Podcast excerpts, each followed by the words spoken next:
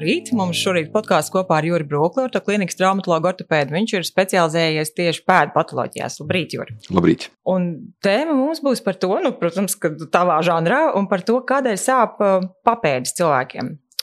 Es mazliet gatavojos, lai mums daudz maz ir līdzsvarā saruna, un es palasīju, ka tas tipiskais, cil... nu, tas tipiskais portrets tam cilvēkam, kuram sāp papēžu kauls, ir garo distanču skrējējs, Tas bija viens, viena viņa pazīme, un otra bija, ka tie, tā ir vecuma grupa 40. Plus. Bet es vēl mazliet palasīju no citiem avotiem, ka būtībā katram desmitajam cilvēkam dzīves laikā vismaz reizi viņš saskarās ar papēžu sāpēm. Respektīvi, man sanāk ļoti populāra problēma. Atbilst, sagatavojos par Jā, viennozīmīgi. Tas pieņemšanās ir tāds viens no tādām lielākajām pacientu grupām, tādām biežākajām. Jā. Varbūt mēs varam sākt tiešām no tās nopietnākās puses, pat varbūt ne tiem cēloņiem, kāpēc tas tā sākās, bet kas tur īstajā papēdī sāp? Kur, kur kādās vietās un ko tas nozīmē. Tiešām par nopietnu sākt, un pēc tam pie tā, pie tiem cēloņiem aiziet. Uh, nu, principā tā, mēs jārunā par, tam, par papēdi kā lokalizāciju. Nu, nevar pateikt, ka noteikti sāp pats papēdis. Jā. Nevienmēr tas tā ir.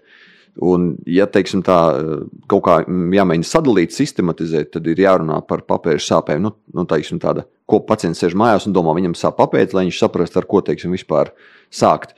Tad būtībā jāsaprot, sāp papēdim ap aizmuguri, sāp papēdim apakšpuse, vai sāp papēdim vairāk tā kā sāni un uz priekšpusi. Tas viss būtu jau papēdis, jo papēžu kauls viņš ir liels, tas, un, un attiecīgi tā lokalizācija viņā var daudz kas sāpēt. Tās ir trīs dažādas diagnozes, tas varētu būt tas jā, pats. Jā, tur, ir, tur zem katras tās atsevišķi vēl sīkāk. Protams, ka ir biežākas un retākas lietas, un ir tādi tie, tie, tie, tie nu, galīgi populārākās lietas, un ir tādas, kas ļoti reti sastopamas, bet nu, viņas visas jāpatur dusmīgi prātā. Bet es teiktu, tā jāpatur prātā ārstam, varbūt, kas to nodarbojas, nevis teiksim, pacientam.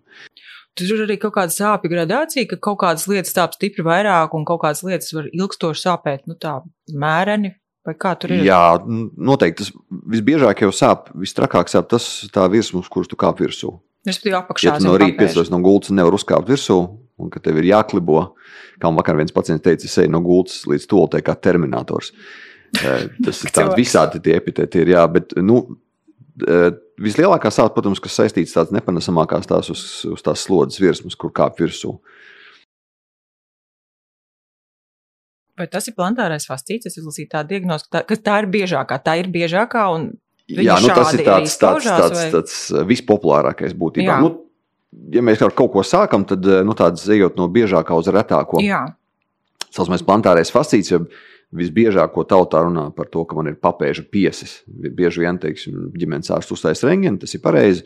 Cilvēks atnāk, viņam ir tur kaut kāds piesīts izaudzis papēdim apakšējā daļā. Tas ir kaut kāds kauliņu tāds. Tāds radiņš izaug, jā. jā. Bet tas uh, interesantākais tas, ka tas pats piesis nekad nesāp.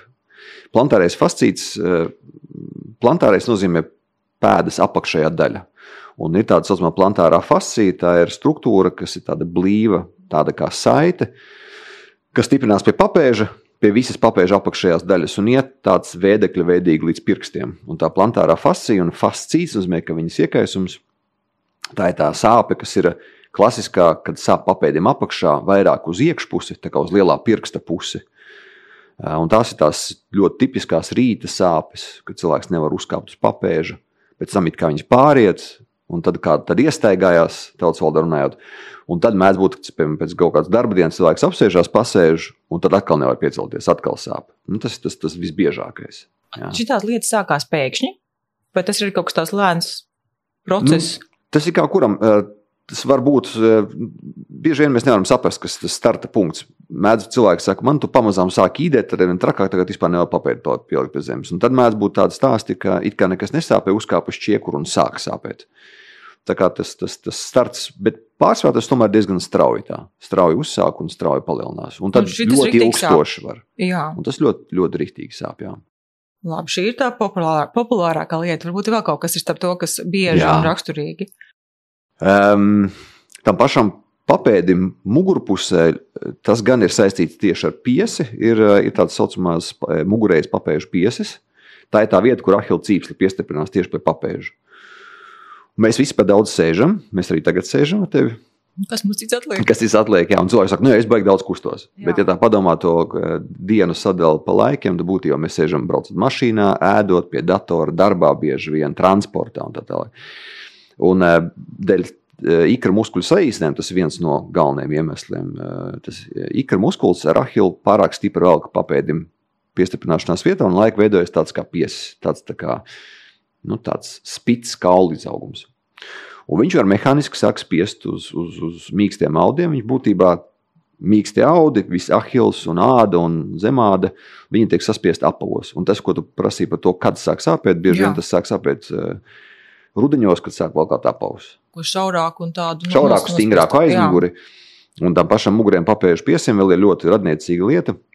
Ir tāds uzmā haglunda egzostoze. Tas ir pēc viena ortopēda vārda nosaukt egzostozi, proti, kaulu tāds tā kā izaugums. Uh, Tas veidojas arī papēdi mugurpusē.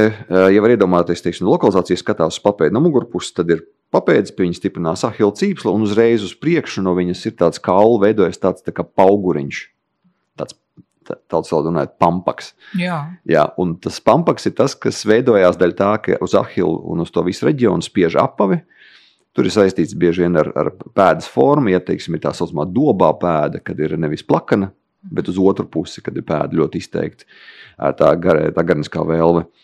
Un veidojas tāds kaula izaugums, kurš mehāniski kairina gan ahilu, un viņam veidojās tajā lokalizācijā saucamais bursīts. Tā bursa, ir gļotisomiņa, tā ir tāda mīksta auga struktūra, kas lokalizējās tajā gadījumā starp papēdi un ahilu cīpslu. Un tas bursīts var iekaist, un tās, tās ir ļoti akūtās sāpes, ka nevar papēdim pieskarties no mugurpuses, nevar uzvilkt kurpes. Tā ir otra biežākā lieta, teiksim, tā, nu, ko gadā sastapt. Jā. Nu, un kas varbūt vēl ir, ko, ko tu vēl pieminētu? Šī, lai būtu trīs biežākās trīs. lietas, jā. jā. Nu, vēl, protams, ir pati ahila cīpsla. Tā ir vēl tāda pavisam atsevišķa tēma, bet tu pieminēji tos skrējējus. Un bieži vien ir uh, pie lielākām slodzēm, vai teiksim, ilgstoši, vai ļoti strauji kāpināta slodze, var ahila cīpsla arī pati pa sevi iekaist. Viņa var iekaist gan tajā vidējā trešdaļā, drusku vairāk uz augšu, gan arī piestiprināšanās vietā, tieši pie papēža. Tas bieži vien iet kopā ar papēža piesi, bet uh, papēža piesi nav obligāti viņam jāsāp, bet savukārt ahila cīpslē viņa var būt iekaisus un sāpīga. Un to viegli diferencēt, teiksim, taisot sonogrāfiju. Kas, tu, teiksim, pieminēji, labi, tu skrējēji, es tā kā saprotu, ka, bet kas šo visu pārējo var noprovocēt? Kas ir tie iemesli, ka vispār veidojās šādas problēmas? Nu, tās šīs tipiskās, Jā. par kurām tu runā. Nu, nē, tā plantāra fasīta, to, kas ir biežākais. Nu, tādu ieskicējot tādu klasisko pacientu, tas, protams, ir ļoti daudz faktoru. Katram ir e, druskuļi savi. Bet liekais svars, plakana pēda, cietas virsmas, pa kurām cilvēks staigā vai apavi ļoti plānu zoli. Ilgstoša slodze, teiksim, stāvot kājās, tad tas darbs, kas saistīts ar stāvēšanu kājās. Um, un turklāt pienāk vēl citi faktori. Protams, ir tāda saucamā urīnas kāpnes problēmas, kas var būt. Un tur tie mazie kodagri, piemēram, jā. Um, tās tās mazās lietas, kas var summēties. Bieži vien tā, tā ir summa kaut kam. Bet, nu tā, prasti runājot, tā ir vienkārši mehāniska pārslodze biežāk, kombinācijā ar citām lietām. Jā, man liekas ļoti grūti Es saprotu, ka droši vien laslodze būtu nesteigāta, bet nu, pa, nu, pēda ir kaut kas tāds, ko droši vien tu gribi, negribi, tu viņu izmanto tajā dienā. Nu, nevis dienā, bet vispār ikdienā. Kas ir tā pirmā palīdzība, ko tas cilvēks var darīt, ka viņš jūt pamazām, ka viņam šāda problēma attīstās? Ka, varbūt viņš neiet uzreiz pie ārsta, bet ko viņš varbūt pats var darīt, nu, varbūt kaut kā to procesu apturēt līdz tevim? Nu, jāsaka, mēs, nu, kā ārsts bieži vien lamā eh, Google dakteri. Jā, jā, jā. jā. Bet īstenībā tik tiešām, ja, piemēram, ievad tās, eh, tos, tos, tos, eh, tās sūdzības internetā, bieži vien var tomēr daudz maz pie tādām populārākiem diagnozēm nokļūst. Un, attiecīgi, tur ir arī tās pašpalīdzības metodas. Un bieži vien cilvēki atnāk, viņi jau saka, es jau tur sāku staipīties, tur jāstaipa gan ikra muskulis, gan pēdas zoles daļa gan arī tādu pašmasāžu ar masāžas vai nu bumbiņu vai, vai rullīti. Fizioterapeiti iesaka izmantot slotas kātu vai kaut kādu pudeli. Man liekas, tas būs pa skarbu. Ir. Bet nu, tāds kaut kāda pēdas vēlmes masāža, tāda stingra. Jā. Un, protams, ka neviens jau nav atcēlis pretsāpju līdzekļus. Ja to pašu ibumetīnu, kas pieejams, izlaižot to, ka tur jābūt piesardzīgam, tas viss skaidrs, bet nu, pretsāpju medikamentu pretiekaisumā, ibumetīnas, diklofenak un šie te visi. Tu prasīji arī par, tām, par tiem citiem iemesliem. Tas viens, tas, tas populārākais. Ja? Bet eh, runājot par papēdi, viņš var sāpēt, piemēram, nevis viņš, bet tas eh, var, var sāpēt viss papēžu reģions. Un tad, protams, ir jāskatās, ir, ja nav tās tipiskās lietas, tad eh, runājot par skrējējiem, varbūt ļoti ilgstoši, piemēram, cilvēks skrien, varbūt stresa lūzumu. Tad, ja Tas ir pašā papēža, tie lielajā papēža kaulā varbūt pats papēds var salūst. Un jā. tas nenozīmē, ka jānoliec no divu metru augstuma viņa var salauzt, jā, bet uh, tas var būt ilgstoša pārslodze, teiksim, gatavošanās kaut kādām sacensībām, ilgstoša skriešana, teiksim, maratons, piemēram, jā. Um, un tad, piemēram, ja cilvēkam sāp pie slodzēm, sāp mierā, guļot naktī. Tie ir tādi simptomi, kur jāskatās jau ir jau, jau, jau, jau, jau drusciņā ciešāk. Jo uztaisīt, piemēram, rengēnu vai sonogrāfiju neko neredz, tad ir tomēr jāizmeklē tālāk. Tur nākamā tā metode būtu magnētiskā rezonance, piemēram. Pie papēdes ir saistīts ar vairākām locītavām. Proti, papēdim ir saistība ar veltņa kaulu, kas ir nākamais kauls uz augšu, uz, uz pēclocītos pusi. Papēdis, piemēram, var sāpēt arī pie artrozēm, jeb locītos nolietošanās. Papēdis var sāpēt pie plakanajām pēdām, ja ir pārslodzes, tā saucamais subtilārējie papēža veltņa kaula locītavai. Papēdis var sāpēt arī ārmalā, ja, piemēram, ir cīps Papēdis var sāpēt mugurpusē, jo ir saucamā atdurē, teiksim, kaut kāda trauma pēdas locītavēm, veidojas kaut kāds skrimšļu bojājums vai ķīlējās kaut kāda mīksta jauda pie papēža. Tas viss var būt tāds papēdis. Ja? Un vienmēr, teiksim, kad cilvēks atnāk pie manis, tad uh, viņš sāk ar savu stāstu, un tad mēs uh, papēdi un to visu reģionu taustam, kustinam, skatāmies un atkarībā no tā. Kā sāp, kur sāp, tad jau tālāk izvēlās diagnostiku. Izslēdzot, ja kas, kas Izslēdz, nav noteikti. Un... Jo bieži vien ir sevišķi pēdāk, tā, tā ļoti noslogots orgāns kā tāds, un sevišķi papēdis tas ir pirmais kauls, kas būtībā skarās pie zemes. Ja cilvēkam ejot normālā gaitas ciklā, tad uh, bieži vien sāp papēdis un nevar īsti saprast iemeslu. Papēdis ir sāpēt no muguras, starp citu, arī tas ir viens no biežākajiem. Ja? Un tur jāskatās arī, kāds ir sāpju veids. Ja cilvēks atnāk, saka, man ir dedzinošas sāpes papēdī, vai man ir miera stāvoklī, man liekas, ka man strāvas ir, teiksim, ja, ejot. Tad jādomā par to. Arī jā, tieši tā, varbūt ir kāds nerva, teiksim, vai nerva kairinājums, vai nerva bojājums. Tikpat labi tās var būt muguras problēmas. Nereti mēdz būt tā, ka mugura nesāp, bet ir kaut kāds dedzinošs sāpes ekstremitātēs. Jā, ikrā, papēdī, pirkstos. Jā, tas var būt saistīts arī ar nervu kaut kādu kairinājumu, bojājumu, saspiedumu, nospiedumu un tā tālāk. Ja šito dzirdi, varbūt neskatās vairāk googlē, tāpēc, ka saprot, ka to iemeslu varbūt ārkārt, nu tā patiesībā ārkārtīgi daudziem tā. Turpat ir, pat man kā ortopēdiem bieži vien tā ir tāda melnā kaste, ka man ir lejas tiktu līdz tai diagnozei.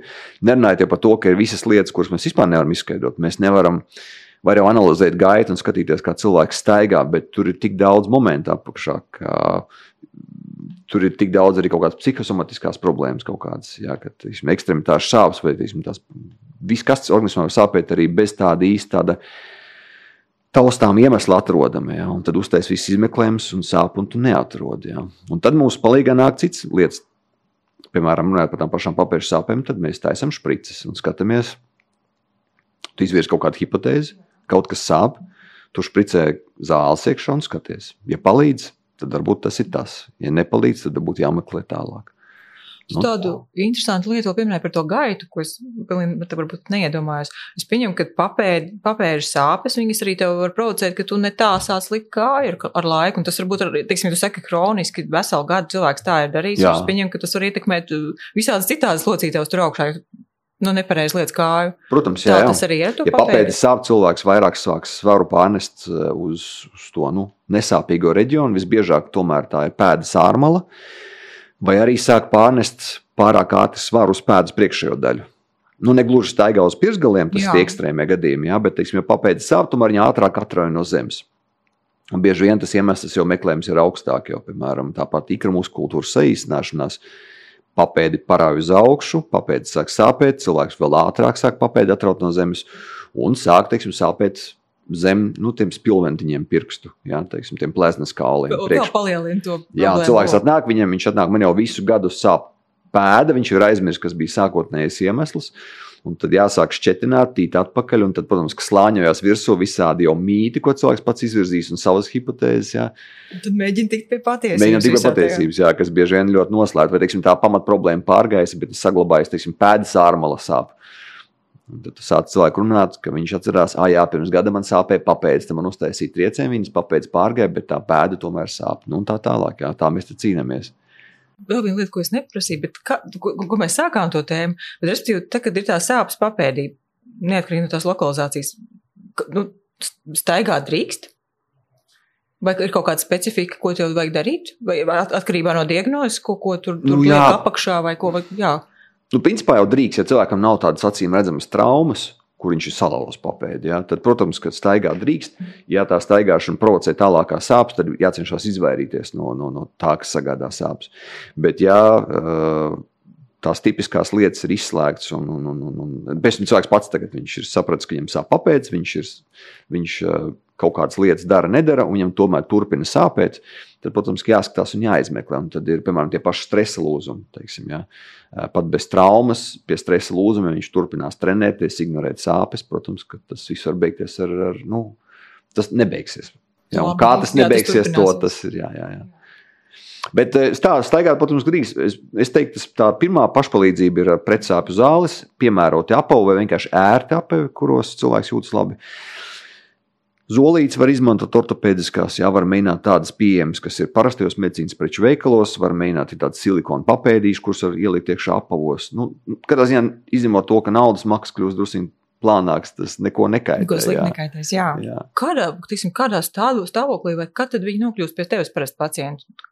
ar ļoti vieglām sūdzībām, vai nu jau tad, kad ir diezgan nopietni viss tā situācija? Kā kurš ir pacietīgāk, kas ļoti ilgi nociešās? Jā, un ilgi tas ir cik, teiksim, šī tas viss var turpināties? Ir cilvēks sanāk, pasaka, viņam gadu jau sāp.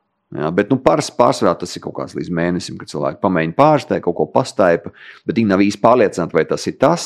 Jā. Un plus vēl jābūt pārliecinātam par to, ka tu pirmkārt pareizi dari, ka tu pareizi odari. Nu, jā, tā vispār pareizā diagnoze. Jā, jā tieši tā, tieši tā. Jā, jā. Es piedomu, ka viena liela daļa darot to arī tiek tās problēmas. Tie, kas atnāk pie manis, tie tie, kas pamēģinājuši un kuriem nav tic, būtu interesanti uzzināt plašākā sabiedrībā, cik, cik ir pašizārstēšanās gadījumi. Jā. Bet labi, kad viņi nokļūst pie tevis, kā, ko tu dari? Mēs taisām diagnostiku, mēs taisām sonogrāfiju mēs ieraugām, vai tā, tā plantārā fascija ir, ko var redzēt, ja, kas ir. Jā, sonogrāfija tā ir biežākā izmeklēšana, jā, jā. tad viss tāda, viss arī ātrāk pieejamā un visticamākā, protams, kā tāda pieredzējuša radiologa rokās, jā. Bet nu, viņi var izmērīt objektīvi plantārās fascijas biezumu, ja viņi ir iekaisus, viņi ir sabiezēti. Un uh, tad arī redz citas lietas. Protams, ka, ja tur nekāda izmaiņa nav, tad jāmeklē tālāk. Bet nu, tas pirmais ir sonogrāfija. Nē, pirmais jāsaka, tā pirmais ir klasiskais stāsts, ko cilvēks izstāsta, un pielietot rokas pie papēža, tad uzreiz var saprast, vai ir tas vai nav. Un tad ir sonogrāfijā. Mīksti apavi ar labu amortizāciju papēdim, jā, nestaigāt basām kājām, pēkšņi nemainīt apavus. Teiksim, ja cilvēks pieredz staigāt, piemēram, skriet ar tādām labi piepaceltu papēžu kurpēm, jā, ar tādu izteiktu pēdas velvi, pēkšņi nomaina uz tām baso, skrie, uz basām skriešanas kurpēm. Jā, tās ir barefoot, kas ir. Jā, kas... Tas var slikti tā beigties. Nu, slikti, nu, tas, jā, tas var slikti beigties arī, jā, bet eh, es nesaku, ka principā tā ir eh, slikta lieta, bet eh, tas var izprovocēt. Jā, teiksim, pēkšņi kaut kāda. Pēkšņi kaut kādas izmaiņas, apavos, iešanas, skriešanas stilā. Jā, Man teiksim, tie ragi, ko tu man teici, man tas uzreiz izklausās, ka vienīgais risinājums ir operācija. Ja tev kaut kas ir izaudzis, ko tu tur daudz ar masāžu vai ar jā, jā. vai tas tomēr ši, šīs diagnozes parasti ar operāciju nebeidzās? Tas apakšējais papēžu piesa pie plantārām fascijām, tur nekas nav jādara. Ar pašu piesi nekas nav jā. jādara. Bet runājot par to mugurējo, neliels piesas viņš var arī nesāpēt. Cilvēks pielāgo apavus, nesā apavus ar brīvāku, mīkstāku aizmugurējo daļu, viņš pastaipās, uztais triecienu, viņa terapija, tas var pāriet arī. Bet mēdz būt tādi milzīgi pieši, kuri ilgstoši netraucējumi pēkšņi sāk traucēt, un tad cilvēks prasa, kā tā līdz šim netraucējumi pēkšņi netraucē. Nu, Daudz kas pirms tam nebija, un tagad ir. Tad, protams, ka ļoti liela papīra piesūņa jāoperē nost. Ir. Jā. Tās chroniskās lietas, nu, teiksim, saprot, ka gads, nu, tur droši vien tas viss tas stāvoklis kļūst chronisks. Jā. Tas, cik viegli tas padodas ārstēšanai, ja tas ir šādā jau stāvoklī. Vispār... Nu, jo ilgāk, jo grūtāk, jo, jo ilgāk cilvēks to problēmu dzīvojas, jo grūtāk ir. Jo Veidojas tāds kronisko sāpju sindroms, var veidoties lokāls, jā, kad, kad, eh, kad vairāk nevar ar tādām parastām metodēm dabūt tās sāpes prom. Bet tur tie tomēr nav tik tādi ārkārtīgi bieži gadījumi. Cilvēki parasti nonāk ātrāk līdz manim. Ja mēs tagad tā rezumējam, tad vēlreiz, kas ir, kas ir tas, lai neizprovocētu šādu stāvokli? Nu, maksimāli, kas, kas ir tas, lai izvairītos no tā, ka tev papēdis sāk sāpēt? Kas ir tas? Nu, es saprotu, ka tur ir daudz tās diagnozes un daudz iemeslu, bet tas, varbūt tas fundaments, ko darīt, lai tā nenotiktu? Nu, tur nevar tām apakšējām, tam zoles, zoles pusē papēžu sāpēm. Vienkārši mehāniski netraumēt papēdi. Tas ir kaut kāda staigāšana ļoti plānām kurpēm, pa cietām virsmām. Um, Nu, nu jā, un attiecīgi katram jāsaka, ja viņš skrien, jāsako līdz skriešanas tehnikai, lai nebūtu pārāk garš solis, lai nebūtu pārāk daudz piezemēšanās papēdi, lai nebūtu tomēr tikai skriešana pa asfaltu, lai būtu piemērota apavi. Ikdienā tas ir teiksim, staigāšana mājās pa ļoti cietām grīdām, kādas viņas parasti arī ir. Jā. Tās ir tās lietas, no kurām būtu jāizvairās. Jā. Jāsako līdzi, jāstēpās, ir jāvingro. Vis, visām ķermeņa daļām, jā, jā, jā protams. Jā, jā, jā. Nu, ko, liels, liels paldies par šoreiz par sarunu. Turpināsim atkal par pēdām kādā citā reizē. Labi, sarunājuši, bija prieks, jā. Man arī paldies, ja tā.